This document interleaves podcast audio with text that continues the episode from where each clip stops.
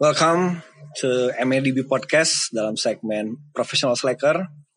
Di sini merupakan podcast pertama dari seorang manusia dan juga mahasiswa yang bernama Muhammad Andra di sini akan membahas tentang sudut pandang masyarakat kita mengenai orang yang pemalas nih.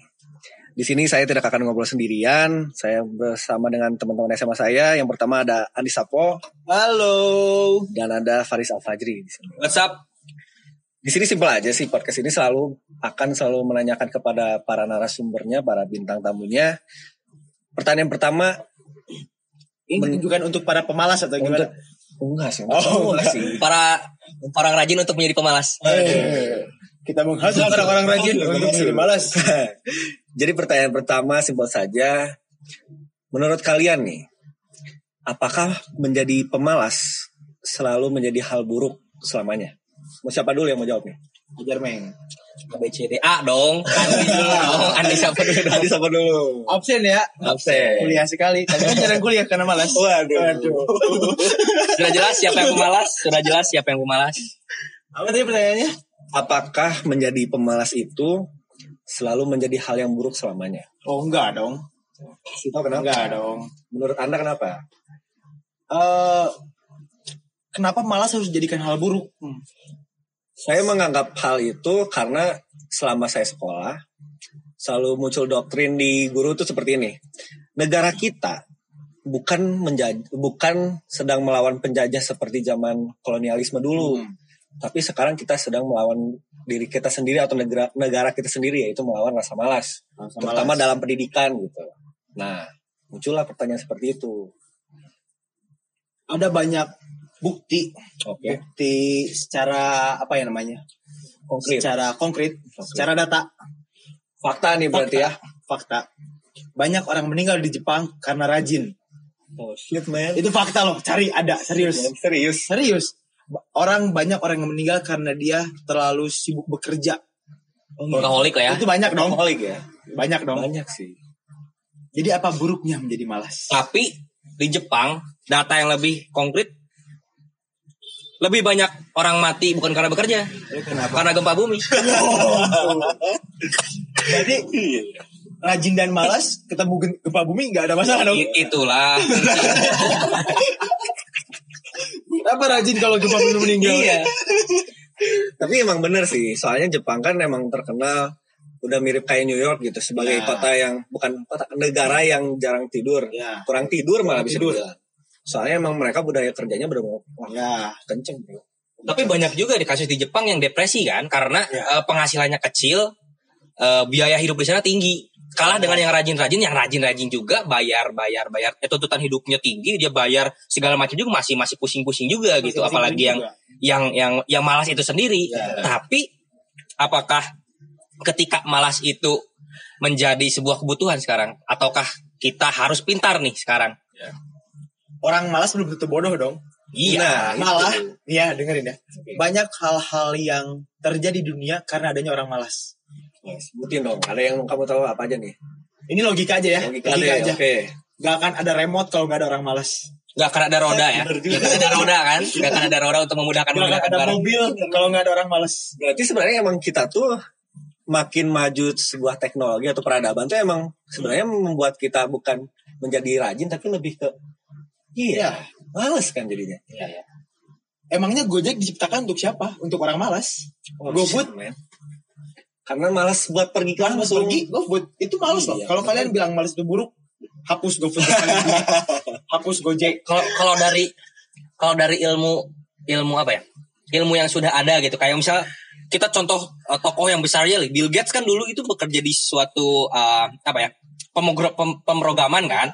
Dia itu saking kayaknya saking malasnya Bill Gates untuk mengingat semua pemrogram hasil dari kerja pemrogram itu, dia bikin sendiri. dia, Iya dong. dia malas mengingat-ingat apa apa aja yang dipelajari selama pemrograman, bikin aja program sendiri. Ya. Iya gak sih? Iya juga. Make sense lah.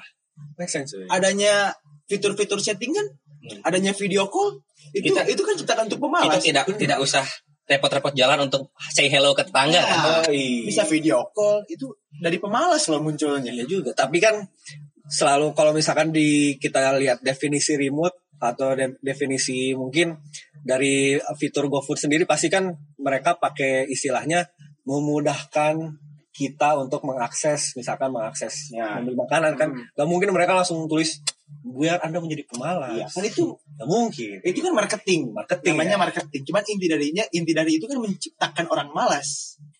bener juga yang remote sih bener juga iya Ya kan? Tapi kan banyak juga yang tidak memakai remote sekarang kan. Kaki aja pak. Ya, itu. iya, makin Orang masuk. malas akan mengusahakan apa apa yang dia inginkan tanpa dia capek. Daripada bangun mending jolorin kaki panjang-panjangnya. iya iya iya iya. Karena pa- kenapa pakai kaki? Karena remote-nya jauh kan. Pakai kaki saja. Tidak ada remote, jempol saya masih bisa. Iya Karena iya. itu Jack Ma eh, atau Jack Ma atau Bill Gates Bill Gates ya yang bilang kalau misalkan saya disuruh nyari pekerja, Iya. saya nggak akan cari pekerja yang rajin, cari yang malas cari yang malas. Bill Gates ya. Bill Gates kayaknya. Karena orang malas akan lebih cari eh, cara yang efisien ya yang efektif yang efektif. Ya paling mudah lah, paling paling cepat. Iya, paling paling iya, cepat iya, yang paling mudah dia lakukan agar mencari solusi. kalau orang pemalas nggak mau capek Gak mau capek itu. iya juga Tapi ada toko yang bilang loh dulu, dulu eh, kalau nggak salah pernah baca eh, siapa gitu quotes tentang eh, kita tuh bisa berhasil karena 99% keringat dan satu persen usaha eh satu 99% 99% keringat satu bakat. oke Jadi kerja keras paling utama. Tapi setelah itu banyak dibuktikan oleh beberapa orang, beberapa mungkin filosofis yang lain mematahkan itu semua gitu. Berarti kan nggak nggak selalu tentang kerja keras. iya kan? bahkan kerja keras itu nggak selamanya menghasilkan itu Hmm, hmm. Sebenarnya eh, ada satu hal yang benar-benar fatal. Kerja keras, kerja keras bisa dikalahkan oleh laki.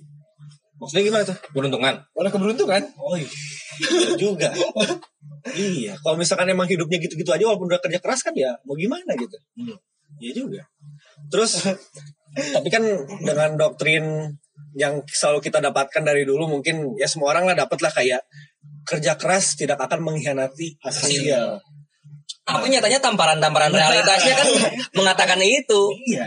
Kita bukan anak quotes dong. Maksudnya em, ya boleh sih sebenarnya untuk eh, menjalani hidup dengan quotes yang itu yang barusan kan yang eh, apa sih usaha tidak menghasilkan hasil tapi kan nyatanya kita itu hidup dalam sebuah lingkaran yang terkadang-kadang apa yang kita usahakan itu ditampar dengan keras oleh realitas gitu. Sesuai Eh, nggak sesuai ekspektasi. ekspektasi gitu. Ya, ya. Dan sebenarnya kalau misalnya kita sebagai eh, manusia yang nggak apa-apa sih sebenarnya tidak usah memaksakan sesuatu yang sebetulnya gagal pun tak apa gitu. Ya. Lagian kenapa kita mengharapkan sesuatu yang kita belum lihat di, di masa depan gitu, yang kita belum tahu hasilnya gitu. Belum tentu ya. Belum tentu. Tapi ya usaha sih pasti ada kan. ada. Pasti ada. Sepemalas-pemalesnya Orang orang. malas juga pasti pasti berusaha dong. berusaha, ya. Iya, nggak mungkin gak ada usaha banget gitu. Emangnya kalau misalkan tadi orang malas yang nyiptain remote kan itu usaha juga mencet tombol. Iya. Iya. Itu usaha dong. Itu usaha, termasuk usaha dong. Masuk usaha. Tapi yang sering yang sering banyak keliru oleh orang-orang kayak patokannya patokan ke toko-toko yang sudah berhasil kayak misalnya ah kayaknya saya nggak usah nggak usah ngajutin ngelanjutin pendidikan nih Bill Gates aja lu- nggak lulus kuliah bisa berhasil ya maksudnya Bill Gates kan lulusan mana sih lulus Oxford ya Bukan Oxford, Apa sih? Harvard. Harvard ya Harvard. ya anda kalau kuliah di BSI Jangan pengen kayak Bill Gates dong. iya maksudnya nggak usah dimensi kalian itu berbeda dengan orang maksudnya kalian bisa melihat Bill Gates di, di dalam media sosial tapi kalian itu tidak berada di dimensi dia gitu Ya, nggak bisa menyamakan hidup anda dengan orang lain nggak usah jauh-jauh Bill Gates lah Yang tetangga Bill- anda juga Yang Bill. Gates pelajari di Harvard itu tidak sama dengan yang Anda pelajari di Iya. BSI dong. Aduh. bukan BSI saja maksudnya lain-lain bukan BSI saja kampus ungu. Kampusnya banyak. Nah, terus eh, kita juga hidup dengan doktrin bahwa bukan bukan doktrin lagi, mungkin ini semua semua anak yang sekarang menjadi anak lah atau mungkin yang sekarang udah jadi orang tua pasti dikit-dikit ngelihat anak tiduran tuh langsung kamu nggak ada Jangan kerjaan banget. terus." Oh, kan langsung Aduh. dimarahin nah pulang. Cuci piring. Aduh. kalau ada simba wah gimana nah itu kan secara nggak langsung tuh eh, orang tua tuh kayak gatel gitu ngelihat orang apa ngelihat seorang anak nggak ngapa-ngapain padahal kalau menurut Dogun sendiri menurut Andra sendiri gitu kita tuh butuh waktu untuk cuman untuk dia self healing gitu. self healing gitu kayak Ya, cuman buat duduk rebahan oke berimajinasi apa pun Ya, itu ya, ya. bebas lah kalau menurut kalian nih setuju nggak kalau kalian dimarahin hanya karena kalian rebahan Kalau orang sih enggak kayak karena orang tua orang kayak gitu. Iya. Wah, Jadi enggak relate untuk untuk nanya itu ke orang. iya, iya, iya. Anda juga tidak, Faris. Ju- jujur sih ada masanya seperti Ada itu. masa, oke. tapi eh, ya mungkin empat tahun ke belakang masih seperti itu kan. Kayak misal masih dimarahin eh, terlihat seperti bermalas-malasan orang tua kan kayaknya orang tua mikir kalau misalnya saya udah udah kerja keras nih buat ngurusin ini ini itu itu itu. Masa kamu diem masa aja? kamu diem aja gitu depan laptop diem main HP Nonton Netflix. bisa hihi ya nonton Netflix. Ya ya ya Aing sebagai seorang anak ya nggak apa-apa gitu di dimarahin. Cuman nggak nggak sampai membangkang sedemikian rupa kan. Tapi ya menurut menurut menurut orang pribadi sih ah, yang dilakukan itu menurut orang sih nggak nggak berlebihan sih maksudnya nggak sampai iya iya kita bakal melakukan itu gitu bakal membantu juga pada akhirnya Yes. tapi eh, nggak harus dimarahin-marahin juga Iya, gitu iya. kan kadang-kadang kita eh iya iya nggak sih kalau misalnya kadang-kadang orang tuh bersih bersih kamar bersih bersih apa pun Iya, tanpa iya. disuruh lebih lebih iya, lebih iya, apa sih lebih, lebih enak Lebih gitu. nyaman, lebih iya. nyaman Iya, benar. Lebih bersih malah. tapi walaupun tahu-tahu bersih ibu ibu kita datang loh ini bantal jadi padahal bantal sudah di sudah di kasur gitu emang bantal di kasur kan harusnya ya kayaknya ibu selalu menca- mencari celah sama ibu saya juga Balik lagi ke yang tadi faktor laki ya, faktor Iya. keberuntungan. Orang itu kan pernah jadi main game terus nih. Oke. Main game, main game sempat dimarahin juga kan. Hmm. Main game terus kamu bukannya belajar bla bla bla. Cuman suatu ketika orang dapat kerjaan Ya. yang menghasilkan uang dan itu orang kenal dari dari main game. Oh. Sih? Keren, keren. Jadi misalkan nih orang bukan kerjaan deh atau misalkan orang menghasilkan uang dari jual ID game. Oh iya, banyak tuh yang sekarang. Banyak dong. Jadi orang waktu itu dapat uang dapat uang terus eh, orang tua nanya dong itu uang dari mana? Main game. Habis main game jual. Oh iya. Itu kayak langsung Itu faktor luck dari Iya, orang kan. Kayak langsung apa ya? Mematahkan. Mematahkan. Kenapa main game Nah, terus gak ada, itu. gak ada hasilnya? Ini hasilnya nih. Iya. Aku nggak perlu minta lagi uang. Gitu. Gitu loh. Itu kan nggak nggak mungkin jadi kalau orang nggak punya keberuntungan. Iya sih. Untung ada beruntung ya. Iya, beberapa banyak orang yang bermain game tapi tidak menghasilkan juga kan banyak, Banyak, makanya keberuntungan itu perlu gitu Nah, dengan kehidupan yang sekarang mungkin orang yang kerja keras tuh da- anggap aja dari SMA atau kuliah lah. Pasti orang yang kelihatan yang rapotnya gede lah nilai rapotnya atau yang eh, mungkin cara presentasinya dia kelihatan wah ini belajarnya udah semalaman nih. Itu pasti di mata dosen tuh sangat diagungkan gitu. Ini Itu mahasiswa karenanya Iya, ya kan itu yang pasti dosen-dosen tuh atau para guru mungkin selalu muncul pemikiran pertama, oh kamu bakal sukses nanti. Waduh. Nah cuman kan saya jujur nih sangat tidak setuju gitu. Ya. Kesuksesan orang tuh nggak bisa ditentukan hanya dengan effort yang ada di sekarang. gitu. Ya. dan juga ukuran suksesnya apa ya nggak sih Iya, ukuran iya. sukses itu apa Ya, gitu Iya benar. Ukuran Ukuran alat, sukses alat apa? alat untuk mengukur sukses itu apa sih apakah Kekayaan. apakah kekayaan apakah mereka punya mobil terus itu ukuran sukses kan Apakah- beda ukuran sukses kan dan alat ukurnya juga nggak tahu kita apa kan apa kadang-kadang orang-orang juga ada yang ah, saya juga punya kebun satu itu juga menurut saya udah sukses Ya. beda dengan orang lain itu pun tidak sukses ya kan beda-beda alat ukurnya kan jadi kita Relatif lah ya. relatif Sama gitu. kayak kalau kita menilai cantik gitu atau ganteng Ya. itu kan beda-beda kan selera itu. Benar-benar. Dan kalau misalkan nih eh, suatu saat misalkan kita ketemu dengan calon mantu lah, eh, calon apa namanya? Mertua. mertua, mertua. udah mantu saja kamu belum. Ditanya sama calon mertua, kamu sekarang kerja apa, Kerja apa? Oh, cuman kamu posisi itu cuman baru cuman bisa, oh saya masih mahasiswa tingkat akhir pak. Hmm. Terus anda langsung gagal di hubungan, kesal nggak tuh? Sangat kesal nggak? kesel sih Kesel, kayak kan? gitu Pasti kesel sih, pasti kesel. Tapi kadang-kadang kalau kita sebagai uh, apa ya sebagai uh, pria sebagai kan sudah menuju pria gitu Ya, sudah menuju lah sudah kita menuju ya. sedang, sedang, menuju kadang-kadang hal seperti itu tuh dibutuhkan gak sih Uh, sebuah percikan sentilan-sentilan tentang itu. iya, Seperti motivasi kasar lah. iya gitu kayaknya setiap orang tuh harus membutuhkan seperti itu deh untuk wah Pembuktian. pembuktian gitu suatu saat saat kita ketemu lagi Ya. Orang jadi orang yang lebih berbeda gitu orang jadi orang yang lebih baik sekarang dia Kayaknya- kesel kayaknya.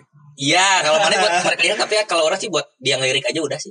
Cukup lah ngelirik Cukup ngelirik doang. Uh, keren juga ya. Uh, Waduh. Kalau orang mah nggak akan berubah nggak akan merubah profil orang demi itu. Hmm. Jadi kalau misalkan dia tidak suka dengan aing yang kondisi sekarang pen- penampilan atau apa, yang aing ingin tunjukkan di masa depan mungkin aing bakal kembali lagi dengan kondisi fisik seperti ini, Ya. profil aing seperti ini tapi dengan kondisi uang yang lebih banyak. Ngerti gak sih? Yoi. Jadi eh apa namanya ya? Penampilan aing yang dulu mana yang gak suka, yang ngebawa aing kayak Ya ya. Ya sih. Itu kayaknya itu perjalanan yang sangat berliku-liku untuk itu ya yang lebih struggle-nya lebih lebih banyak gitu. Waduh. Pasti itu pasti pasti pasti pasti. sangat dong. Terus ngomongin tentang malas nih. Malas tuh nggak cuma tentang masalah dari sudut pandang orang tua, sudut pandang guru, atau sudut pandang. Nah, sudah sekarang sudut pandang dari sudut pandang wanita nih. Wanita tuh sekarang banyak yang dijejali doktrin oleh orang tua tuh kamu udah cari laki-lakinya yang udah mapan waduh PNS Cari yang penghasilannya tetap. Waduh. UMR, UMR. Ya setiap bulan ada gitu kan. iya kejamin gitu Jamin. cuman sangat jarang di masa sampai saat ini gitu sangat jarang orang tua yang memberi doktrin kamu tuh sebenarnya lebih baik hidup dengan orang yang mau berjuang gitu Ya ya. sangat jarang sih? Ya ya, ya. ngerti ngerti. terus kenapa doktrin sangat itu jarang kalau kata orang sendiri karena itu baik lagi faktor orang tua yang menganggap tuh mungkin bisa dibilang anak takut anaknya nanti kelaparan lah Setara lah, apa, setara aja. eh, Tapi yang ya, ya sih, itu juga ada baiknya sebenarnya. Cuman eh, kalau orang mikir sih, kenapa eh, sepasang suami istri yang udah terikat sah oleh pernikahan, seharusnya tidak hanya materi ya yang dipikirkan kan. Maksudnya takut-takutnya gitu. Setelah kita punya anak, kalau kita tidak didasari dengan rasa cinta, setelah kita punya anak nanti, kalau kita sudah tidak saling mencintai lagi, ya patokan patokan untuk kita bertahan adalah anak. Tak. Orang nggak mau gitu kayak gitu. Jangan sampai lupa kalau ka- kalau kalian punya anak dan saat itu pisah, kalian juga nggak lupa kalau sebelumnya itu kalian adalah seorang sepasang kasih kasih gitu. Se- se- seorang eh seorang sepasang yang saling mencintai gitu, nggak mau lupa gitu kayak gitu. Sebenarnya orang ada kayak apa ya namanya? cerita dari orang baca eh bukan baca nonton seksolog seksolog oh seksolog seksolog. Jadi dia tuh bilang bahwa banyak apa namanya pasien bukan pasien klien Hmm, klien si seksolog itu datang cerai. Dia datang karena cerai terus dia berkonsultasi. Ke seksolog itu kenapa saya bisa cerai? Kenapa saya gini gini gini gini? Ternyata jawabannya satu. Apa tuh? Banyak orang yang ketika dia ingin menikah nah kan laki-laki nih lihat perempuan wah dia bakal cocok jadi ibu rumah tangga. Dia bakal bisa ngurus anakku dengan baik. Hmm. tanpa mikirin kebutuhan dirinya oke Dan kata seksolog itu, ketika kamu ingin menikah dengan seseorang, pikirin dia bisa enggak memuaskan aku di ranjang. woi Dia bisa enggak, dia bakal fantasiku bakal terbayar enggak dengan adanya dia di hidupku. Karena itu akan dilakukan setiap hari sampai tua. iya sih bener juga Ketika anak udah dewasa, udah pergi dari rumah, terus apalagi gitu yang dicari? Pasti Iya. ngobrol juga, Bener. ngobrol sama si pasangan juga. Tapi yang terlalu jauh ya buat ngomongin males. Justru ya itu karena malas tuh walaupun hanya cuma satu kata yang udah gitu malas gitu cuman benar-benar ke aspek kehidupan tuh Luas, itu sangat mencakup semuanya. luas, cuy. terus waktu itu Dogun pribadi nih eh, sebelum ngebuat podcast ini tuh ngebikin instastory kan Ya. tanya juga ke followers tuh apakah kalian setuju kalau malas tuh menjadi hal yang buruk selamanya terus ada beberapa orang juga yang menganggap eh, bahwa malas tuh bakal selamanya akan menjadi hal yang buruk bahkan menjadi kata yang konteksnya selalu buruk gitu. Dan ada juga yang bilang tuh argumennya gini karena malas nggak membawa manfaat apa-apa. Hmm. karena malas hanya membuat kamu diem aja di situ. Berarti ada itu adalah apa-apa. kayak kan ma- malas kan berarti kayak eh, apa ya tindakan kan malas kan semalas malasnya kita bertindak kan kita berpikir nggak sih. Betul. Dan eh, banyak sih orang-orang kan pada ba- banyak kaitannya. Eh, kalau misalnya pemalas itu rata-rata menjadi pengusaha. Oh, karena ya nggak pengusaha sih wirausaha lah Wirausaha. ya sebenarnya ben- bisa dikatakan benar benar juga. Karena saat mereka bermalas-malasan itu mereka juga diselingi dengan berpikir. Berpikir tentang ide-ide kreatif mereka bakal bakal terkumpul gitu. Suatu saat dia punya sesuatu untuk dikembangkan ya udah jalan-jalan gitu karena mereka udah sebenarnya di otak ini jalan terus gitu idenya ada aja gitu berarti yang bahaya tuh bukan malas gerak tapi malas mikir Mungkin gini, ada satu logika yang bagus. gimana tuh eh, hampir sama kayak malas. Gimana? Eh, perlakuan ini sering dianggap buruk, berbohong. Oke. Berbohong itu kan sangat dicap buruk, Iya, Ya bahkan dibilang salah satu dosa itu. Dosa. Hmm. tapi Kata orang religius kan bilang. Iya. dengan nyerempet nyerempet ke situ lah. Ini kita bahasnya males lah. Ya, ya. tapi coba logikakan, Oke. ketika kita berbohong, kita tuh berpikir tiga kali lipat dari orang jujur. Kalau kita ngomong ini, kita ketahuan. Kita kita harus Coba ke sini dulu. Oh kayaknya enggak deh. Oh ngomong dan ini. juga next nextnya ya nggak sih next, next kita harus katakan apa gitu kayaknya dipikirin juga ya kita sangat berpikir loh dalam hal berbohong. Sangat benar-benar mikirin strategi itu Hmm. sampai plan A, B, C, D Ya kan? benar-benar dipikirin. Artinya otak kita makin dipakai di situ. Iya. Makanya orang mah kalau punya anak dan dia ngebohong, orang bangga. Apalagi anaknya masih kecil. Wih, iya dari pinter berarti dia dari kecil udah benar Ya. mikirin gitu kan. Paham gak sih logikanya? Iya, iya, iya. Analogi yang masih bagus. kecil. Oh, berarti eh, Sapo tuh tipe eh, banyak yang berbohong dulu sekarang biar anaknya kalau berbohong dia tahu gitu kan kamu bapak sudah tahu gitu. Caranya udah ketebak semua. Lu dipakai bapak itu. jadi gini harusnya oh Dikasih tahu. Iya, iya. Nah, terus kan dari berarti sampai sekarang tuh banyak orang yang menganggap tuh kalau orang sudah malas, berarti otomatis dia malas gerak dan malas mikir padahal belum tentu kan. Kayak, Berarti yang fatal adalah kalau kita juga sampai malas gerak dan juga malas mikir. Ya, Iya malas mikir sih itu yang paling Iya. fatal. Iya. lu respect juga sih ke orang-orang yang bisa eh, mengaplikasikan apa yang dia pikirkan langsung Ya. gitu. Tapi itu juga termasuk eh, hal yang baik kok. Orang respect juga dengan oh dia punya punya keinginan langsung direalisasikan. Keren juga sih. Kadang-kadang ya itu di beberapa orang pas gitu. Ya. Ngefit di orang itu gitu kan. Oh, boleh gak sih Aing ngasih contoh yang real? Boleh, boleh. Tapi silakan. ini berhubungan dengan zaman dulu Yunani kuno. nggak apa-apa. Jadi ada satu filsuf namanya Diagones. Oh, itu filsuf Yunani kuno. Yunani kuno. Dia tuh tinggal dalam tong seumur hidupnya. Tong mungkin Tong Tong, kening gitu. tong, tong biasa. Kendi gitu. yang suka dipakai motor itu. Itu apa tuh? Tong setan. Bukan dong. Aduh. Tong kayak tong bensin, tong bensin yang kaleng itu yang gede. Oh. Nah tuh dia tuh di pinggir jalan, tongnya di, dimiringin, Dimiringin, ditidurin, oh dia tinggal di situ. Oke. Tapi dia tuh terkenal dengan bijaknya dia, Kebijaksanaan dia. kebijaksanaannya dia. Lalu ada satu kalau kamu pernah dengar namanya The Great Alexander. Wah, pernah tuh. Pernah dengar? The Great Dia Alexander. itu kan eh, punya misi menguasai seluruh dunia. Iya. The Great Alexander. Terus dia datang ke Yunani kuno buat Bertemu dengan bertemu Diagones. dengan Diagones dan dia nanyain apa yang harus lakuin biar bisa mencapai dunia, Ya. dunia itu. terus dia datang ke Diagones Oke. dia sapa dia ketemu Diagones dia ngobrol terus dia nanya "Eh, saya ingin pergi ke seluruh dunia dan menguasai dunia itu Oke. terus ditanya tuh sama Diagones Ya. terus kamu mau pergi ke mana sekarang dia ke Portugal Oke, Portugal. terus setelah Portugal ke Asia udah Asia ke sini semuanya disebut.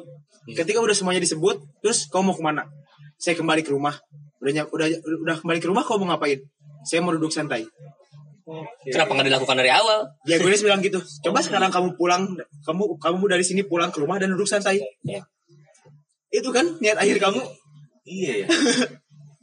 Tujuan akhirnya tuh biar biar Iya. santai padahal kenapa harus ribet dulu ya? Santai aja sekarang kalau bisa santai Padahal tujuan akhir kamu tuh ya itu kan untuk duduk santai. Dan terus ya, si Alexander the Great menawarkan sesuatu pada Diagonis. Kau mau apa? Saya berterima kasih atas di, atas, di- atas dikasih Ilmu. eh, ilmu itu.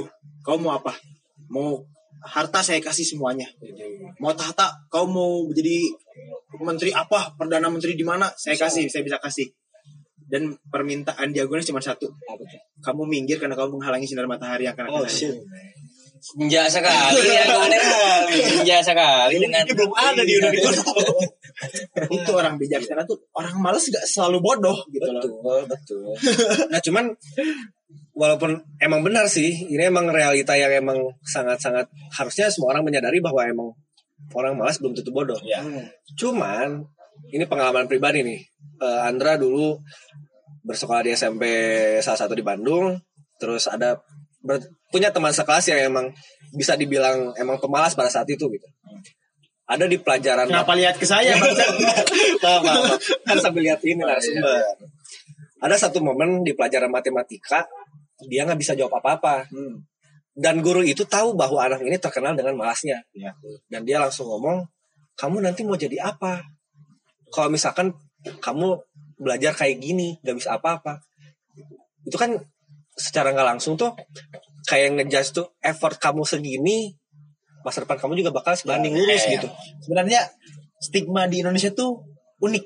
Gimana tuh maksudnya? Orang yang pintar, orang yang matematikanya pintar Yoi. akan disebut pintar. Iya juga. Itu pengalaman plat. Wah, itu kena, itu kena Iya sih. iya. Itu wah, unik di Indonesia. Nggak tahu ya kalau di negara lain, Iya, tapi iya. yang orang relate di Indonesia orang yang disebut pintar adalah orang yang matematikanya pintar. orang yang masuk IPA. Sudah Iya. pasti bidang itu saja kan. Iya, dulu bahkan eh, Andra juga pribadi dulu pas mau milih apa? Milih IPA atau IPS atau bahasa, saya jujur mau IPS. Terus orang tua langsung kayak bukan ngebantah tapi lebih ke meragukan kenapa Ya. kamu nggak IPA. Iya ya. Terus kalau pikir pakai logika lah emang kenapa kalau IPS? Katanya sih zaman dulu orang IPA bakal lebih Ya. sering keterima di PTN. Jangkauannya juga luas Jangkauannya lah ya. luas. Bisa ke mana-mana gitu. Bisa murtad mereka. Oh. Murtad jurusan. Oh, iya. sabar sabar sabar sabar. Bahaya nih, takut jadi band nanti. IPS Iya. kan nggak bisa jurusan IPA. Nggak bisa ya. Iya, IPA bisa ke IPS, bisa murtad mereka. Nah itu cuman berarti stigma di Indonesia tuh mungkin prediksi dari Dogun pribadi dari Andra pribadi itu butuh waktu lama buat dipatahin. Wah, sulit. Sulit sih, sulit. Sangat sulit. Udah Sangat udah sulit. kayak turun temurun itu udah. Udah jadi kayak kultur. Antar antar generasi itu udah. Udah mengakar. Orang yang pintar matematika pasti dibilang Pasti pintar. pintar. Dan orang yang mencoba untuk meluruskan stigma itu dicap untuk tidak punya masa depan. Ya, Iya itu. juga. Kita dong ini. Aduh iya iya iya. Terus buat apa ya? Buat mematahkan stigma itu tuh emang kemungkinannya mungkin ya satu persen lah. Wah, sangat kecil. kecil, lah, kecil. 0, koma mungkin Nol bahkan. koma lah. Cuman eh, jujur dengan dibuatnya podcast ini tuh eh, Andra pribadi ingin para orang seperti guru, Nah, seperti dosen Para atau seperti pendidik. seperti orang tua yang menganggap bahwa anaknya harus pintar matematika, semoga aja dengar gitu. Ya. Soalnya nggak semua orang malas atau nggak pintar matematika tuh artinya bodoh gitu. dan beruntungnya lagi orang, orang dapat orang tua yang nggak seperti itu. Oke. Jadi dari kecil emang matematika orang tiga, dua, empat, tiga, dua, empat, paling gede enam. Kalau nyontek bisa tujuh lah kalau dapat. Itulah kalau tapi Iya, iya. orang tua tidak memaksakan kamu belajar matematika enggak. Malah dia lihat bakat orang, oh dia di akademisi jelek. Oke. Coba di luar di olahraga. Udah kamu gak usah fokus belajar deh, fokus aja nih olahraga. Hmm. Tunjukin bakat kamu, tunjukin yang kamu bisa. Beruntungnya orang dapat orang bisa tua di seperti tempat itu. Berarti orang tua anda tuh bisa menepati talenta Ya, bakat. dia bukan Itu jarang loh kayak gitu loh. Ya, jarang kan? jarang. Jarang. Dia tidak berusaha memperbaiki kekurangan aing, dia malah menambah apa yang aing bisa. Memaksimalkan potensi yang Ya, ada. itu. Dan kalau misalnya mungkin banyak ya pendengar-pendengar yang masih ada ada orang tua yang seperti itu. Ya. Kayaknya lebih baik pesantrenkan saja orang tua. Orang tuanya Biar Anda yang membiayai pesantren itu. biar orang tua anda bangun sholat subuh terus. Kebanyakan kan orang tua kalau misalnya anaknya bandel pesantren kan anak saya. Iya. Kali-kali orang tuanya saja pesantrenkan kan. Bapak ke Gontor sana. Oh. Bapaknya ngayain lagi. Iya saya ke Gontor. Dengan sadar diri. saya bandel ya. Iya iya. Nah ini eh, sebelum kita ngasih pesan ini mau sharing dikit lah. Kan Dogun atau Andra tuh ngajak kalian karena Andra juga tahu kalian bisa dibilang pemalas di mata Andra ya. Oke, oke. Dari Andi dulu deh. Apa tuh? Apa tuh? Ke- Kenapa kamu nyebut diri kamu sendiri tuh seorang pemalas? Apakah dari mungkin ada emang pasti bakal ada mindset atau bukan mindset, momen yang bikin oh ternyata Kayaknya males. iya. Gitu. gua tuh pemalas gitu. Waktu melihat nilai di kuliah atau nilai, nilai- lihat nilai dari SD sampai kuliah. Nilai pelajaran. nilai pelajaran. Karena orang sangat tidak suka belajar. Ya tahu lah ya, Ya, ya, orang sangat tidak suka belajar. Dan waktu kuliah tuh bener-bener kayak yang empat matkul T Widih. Jadi kosong benar-benar kosong. Oke. Kuliah nggak pernah, UTS was gak ikut. itu bukan nakal lagi, bebal tau gak? Dan orang tuanya tidak apa-apa loh. Sebenarnya belum tahu. Sebenarnya belum tahu ya. Tidak tahu mereka. Iya, iya. Aduh. Terus itu ya. terus eh, dengan udah tahunya bahwa wah aku tuh pemalas ya. Ya. Nyesel gak sih?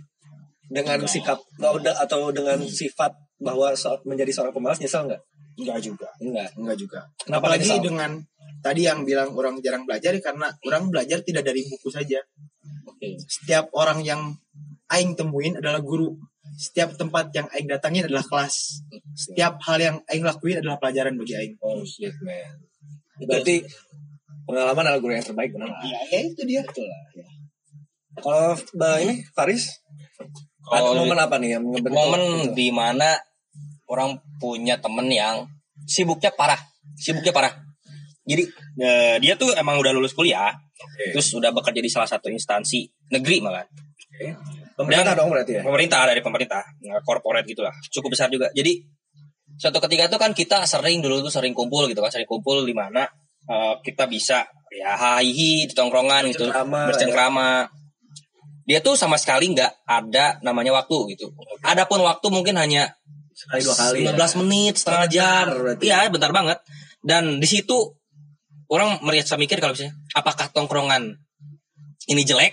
Apakah tongkrongan ini ber- berakibat jelek untuk dia? Tapi malah orang berpikir eh, sebaliknya bahwa se serajin-rajin itu dia, se se se, se- segimana dia mungkin merasa hasilnya bakal wah gitu. Tanpa dia sadari itu tuh diperbudak. Iya nggak sih? Iya, iya, iya. Tidak ada waktu untuk apa pun, hanya untuk mengurusi uang, uang, uang, uang, uang. Tanpa dia sadari itu diperbudak, Iya, iya, itu. ya nggak sih? Iya, iya.